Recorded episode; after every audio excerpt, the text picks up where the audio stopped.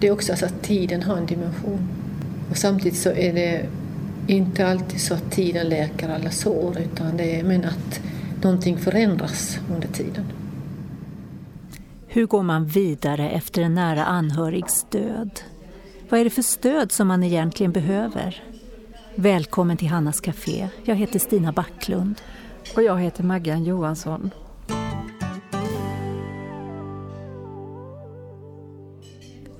Idag ska du få möta två diakoner som ska dela sina erfarenheter när det gäller sorgeprocessen efter en nära anhörigs död. Den ena är forskare och författare. Ja, mitt namn är Tuija och jag bor i östra Skåne. Jag forskar vid Lunds universitet i ett eh, stort ramforskningsprogram som bland annat handlar om eh, social sårbarhet i samband med olika katastrofer eller större olyckor. Och den andra arbetar i en landsbygdsförsamling inom Svenska kyrkan. Jag heter Jenny Magnusson och eh, jag arbetar som diakon i Svenska kyrkan. Innan vi går vidare i programmet lyssnar vi till Väven med Maria Gustin Bergström. Jag har vävt mitt liv till slut som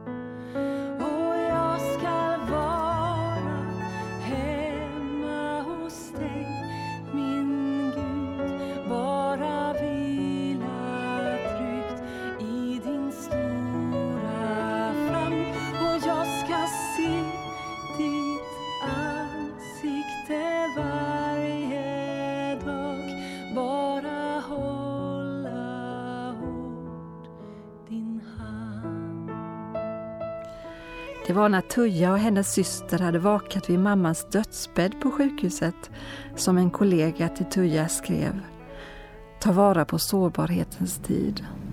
Ja, det, jag har grunnat på det, vad han menade. Och jag tror att han menade att man ska... Sådana här svåra saker ska man låta ha sin tid och man kan inte bara forcera igenom. Och i, för relationerna mellan, då i detta fall anhöriga, att det blir också speciellt och med då bland min mors släktingar i Finland blev det lite speciellt att man kommer nära varandra och att man ska ta tillvara det. Det oundvikliga händer. Någon som står oss mycket nära dör. Det är bara en tunn hinna mellan livet och evigheten. Ett enda andetag. Tiden stannar.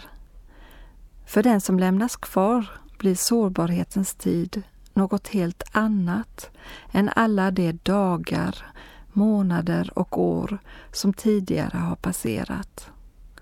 Jenny möter många sörjande människor i sitt arbete och hon säger Jag tror att man på något, jag vet inte riktigt hur man ska uttrycka det, men att så, vissa saker blir eh, eh mycket, mycket mer klara, mycket mer viktiga i livet än andra. Eh, typiskt är ju så att, att eh, den närmaste familjen, eh, relationer, eh, får en mycket, mycket högre prioritet. För man ser att livet är, livet är skört. Saker och ting kan hända ganska så snart. Men man, man är mer rädd om sina närmaste, om sina, sin närmaste familj. Så här. Tuija minns hur det var när hon och systern vakade hos mamman strax innan hon dog. Varsamma och varma ord och små praktiska handlingar är något som hon aldrig någonsin kommer att glömma. Eh, eh, det här förhållningssättet som sjukhusets personal hade gentemot oss. Och det var då bland annat den här frågan, de kunde titta in ibland. Det var min syster och jag då som var hos mamma och hon låg på enskild sal. Och så rätt som det var så kom de in och frågade, vill ni ha lite kaffe? Och det var sån omtanke som de visade så i en praktisk eh, fråga så. Att det kändes väldigt skönt. Sorgen blickar bakåt men när den får levas ut hjälper det en människa att släppa taget för att kunna se framåt. När man, man väl möter eh, en riktig sorg, eh, stark sorg om man säger så, då eh, är det ibland så att man inte känner igen sig själv. Man känner inte igen sina reaktioner, man känner inte igen sina känslor, sina tankar. mycket vänds upp och ner i livet när man möter sorgen i sitt eget liv om man försöker att undvika sorgen, då är det som, som någon har sagt att den sorg som inte har gråtit tårar kan få andra organ att gråta. Alltså om man inte går in i sin sorg och går igenom sin sorg, då eh, kan det bli till att man får smärta i kroppen på något sätt eller eh, man får psykiska problem så småningom i livet och så här. Alltså det, det, det är viktigt att gå igenom sin sorgeprocess. Det är det. Och bearbeta sin sorg.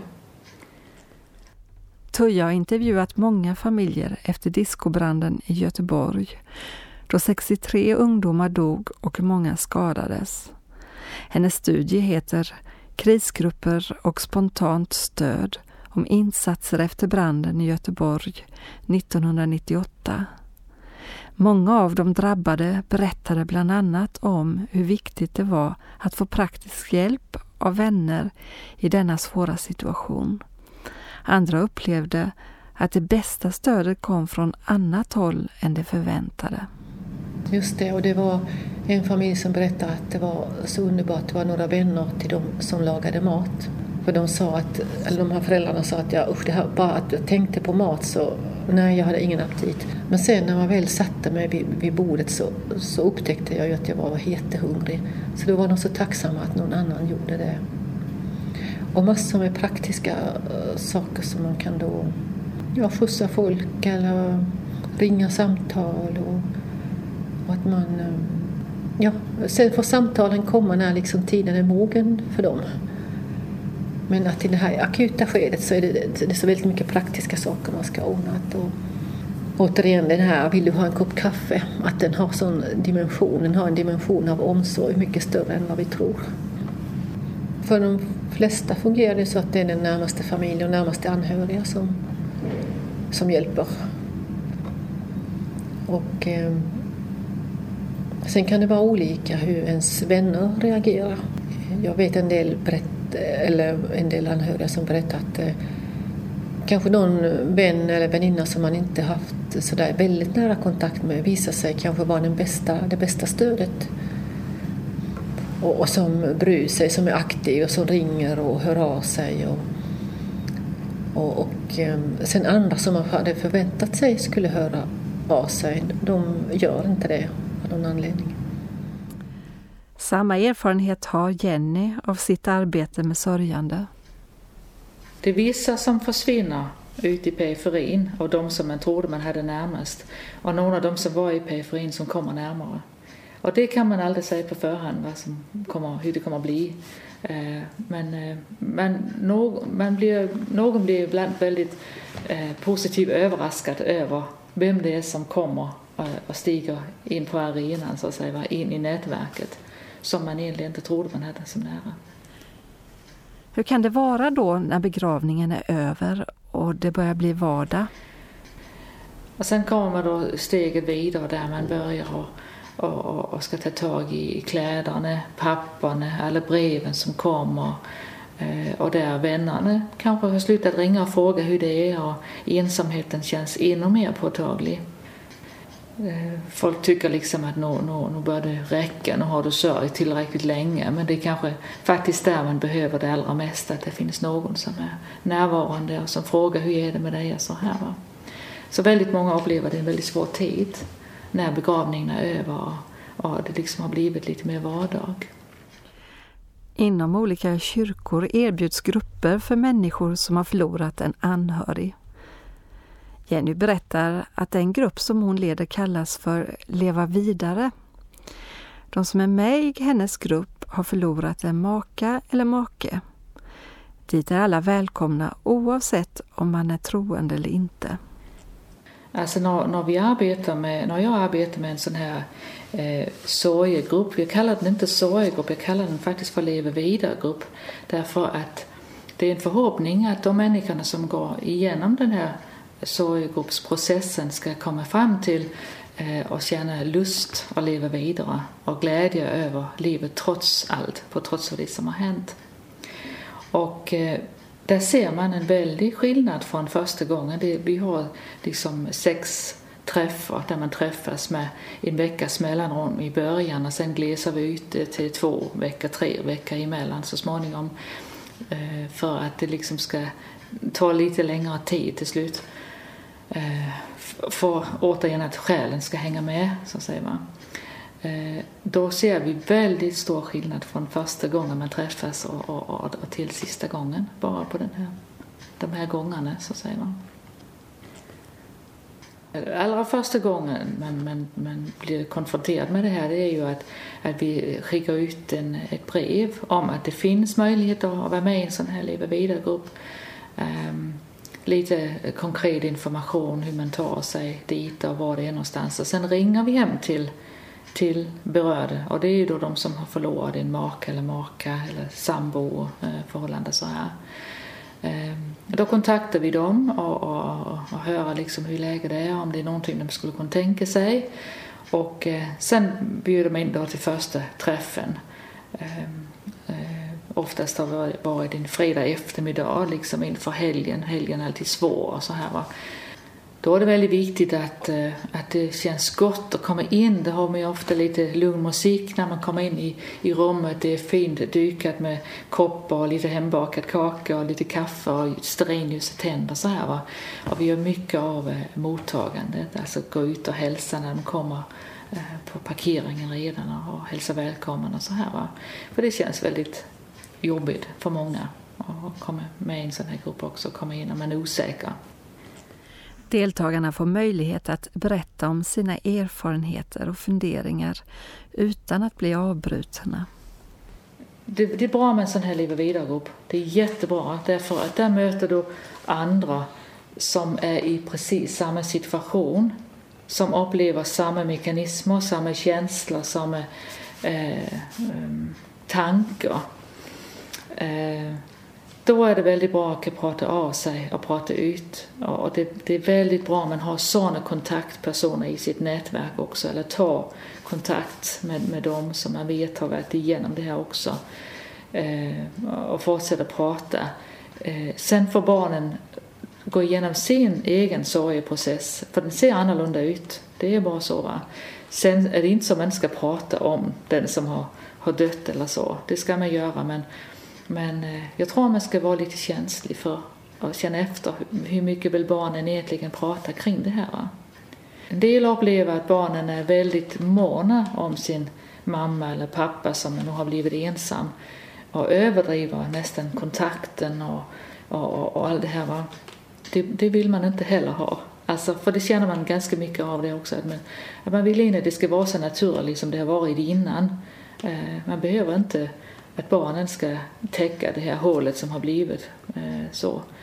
Eh, det är bättre att man har andra vännerkontakter så. Prata av sig med.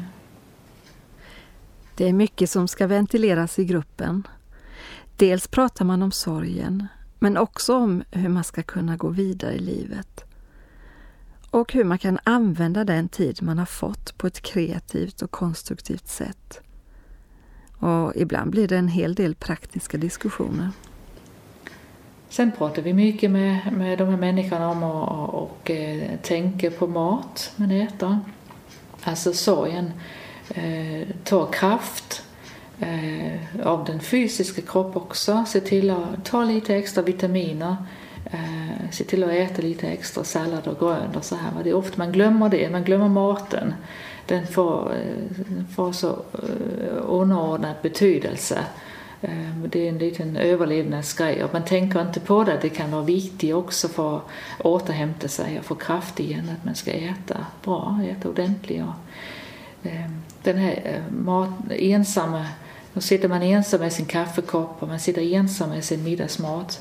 Eh, vad, vad gör man åt det liksom? Finns det någon, finns det någon granne som också gör det? Kanske man skulle kunna bjuda in eller så här. va? För det är väldigt många som tycker det skulle vara väldigt bra egentligen och skönt att få äta tillsammans med någon annan och så. så att, Återigen så tänker jag på det som Tujas kollega skrev om att ta vara på sårbarhetens tid.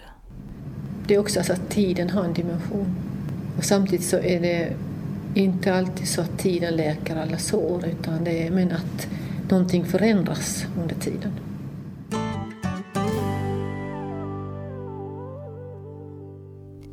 I en intervju i tidningen Junia med Björn Ogeus som är verksamhetschef på Mössebergs rehab i Falköping säger han bland annat De viktigaste frågorna man kan ställa till en människa i sorg är vad är taget ifrån dig? Vad har du förlorat?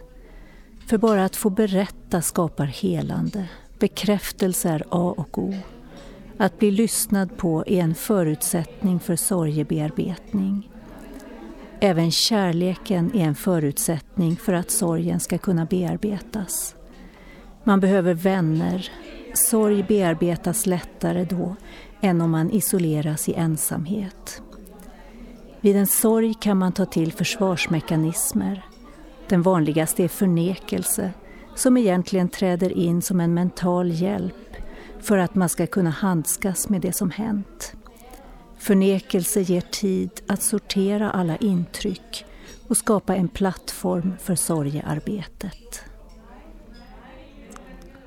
Ja, för många kan det nog säkert vara svårt att ta in allt som hänt i början. Det är helt naturligt. Och för en del kan det ta lite tid innan man kan prata om det som har hänt. Men hur det än är så är det viktigt att ha människor runt omkring sig som bryr sig. Nu ska vi lyssna till Nu sjunker bullret med Lennart Järnestrand. Och sen ska du Stina bland annat tala om en bok som av någon har kallats Själens anatomi.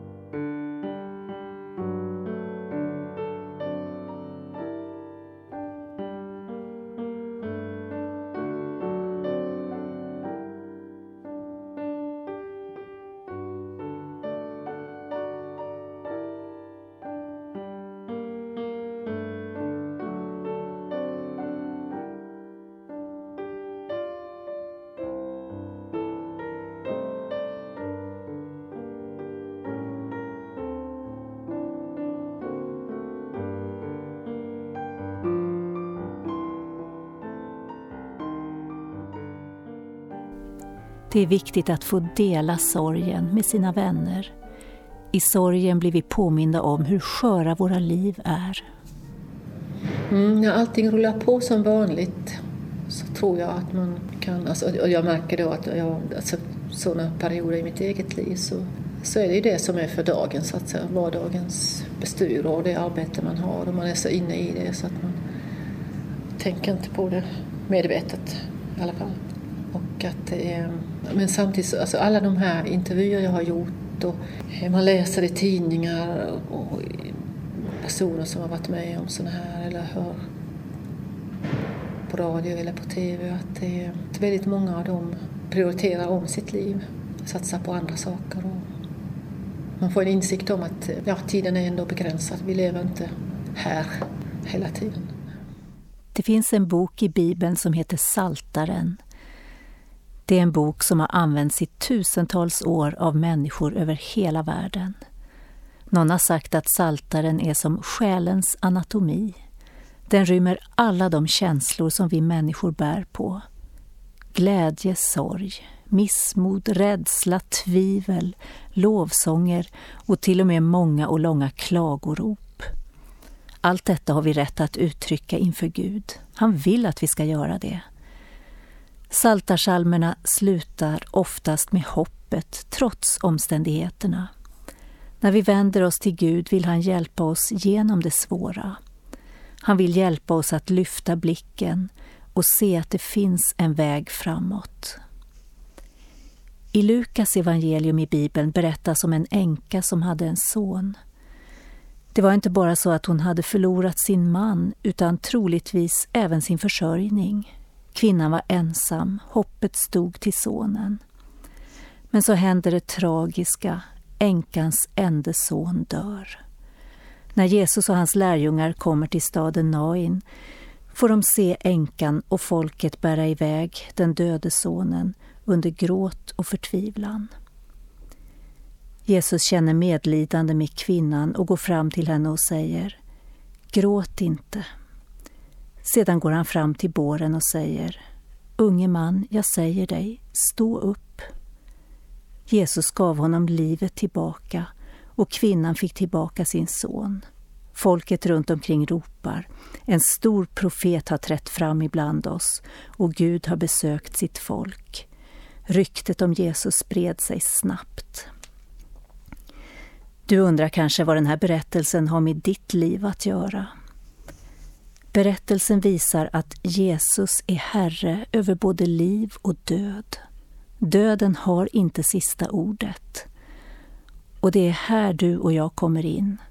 Det finns ett evigt liv för oss bortom döden. Det är det fantastiska hopp vi har. Du får börja din vandring med Jesus här på jorden. Han sträcker ut sin hand och vill leda dig genom livet, också i sorg och svårigheter. I Saltaren 23 står det Herren är min herde, mig skall intet fattas. Han låter mig vila på gröna ängar, han för mig till vatten där jag finner ro. Han vederkvicker min själ, han leder mig på rätta vägar för sitt namns skull. Om jag än vandrar i dödsskuggans dal fruktar jag intet ont, ty du är med mig. Din käpp och stav, det tröstar mig. Vi ber en bön tillsammans. Jesus, tack för att vi får gråta ut hos dig. Jag ber för alla som idag sörjer. Bär dem, trösta dem och ge dem kraft att leva vidare. Amen. Och så står det i Lukas, när Jesus säger då att vi ska inte oroa oss för dem som kan skada våra kroppar eller döda oss, utan vi ska oroa för, för de som kan skada vårt inre. Och så säger Jesus, säljes inte spa- nu, två sparvar för fem kopparmynt och ni är mycket mer värda än, än eh, till och med hårstrån i era huvuden är räknade. Bekymra er inte. Ni är så mycket mer värda än sparvar. Och det tänker jag varje gång jag ser en sparv. Sån omsorg Gud har om denna, detta lilla djur med det lilla, lilla hjärtat som tickar där inne och det sköra lilla skelettet. Och varför skulle han inte då ha omsorg om mig som är skapad till hans avbild? Kristus är framför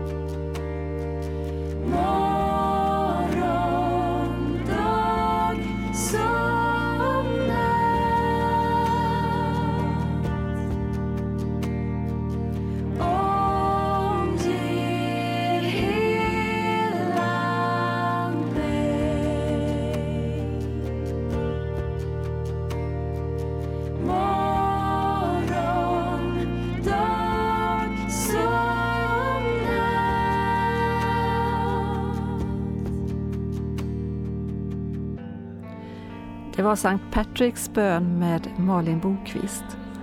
Hannas Café har idag handlat om att få dela sin sorg med andra. Du har träffat Jenny som leder Leva vidare-grupper för människor som har drabbats av sorg. Och du har även träffat Tuija som bland annat har forskat om det sociala stödets betydelse vid en katastrof. Hör gärna av dig till oss. Adressen kommer som vanligt här. Och var rädd om dig.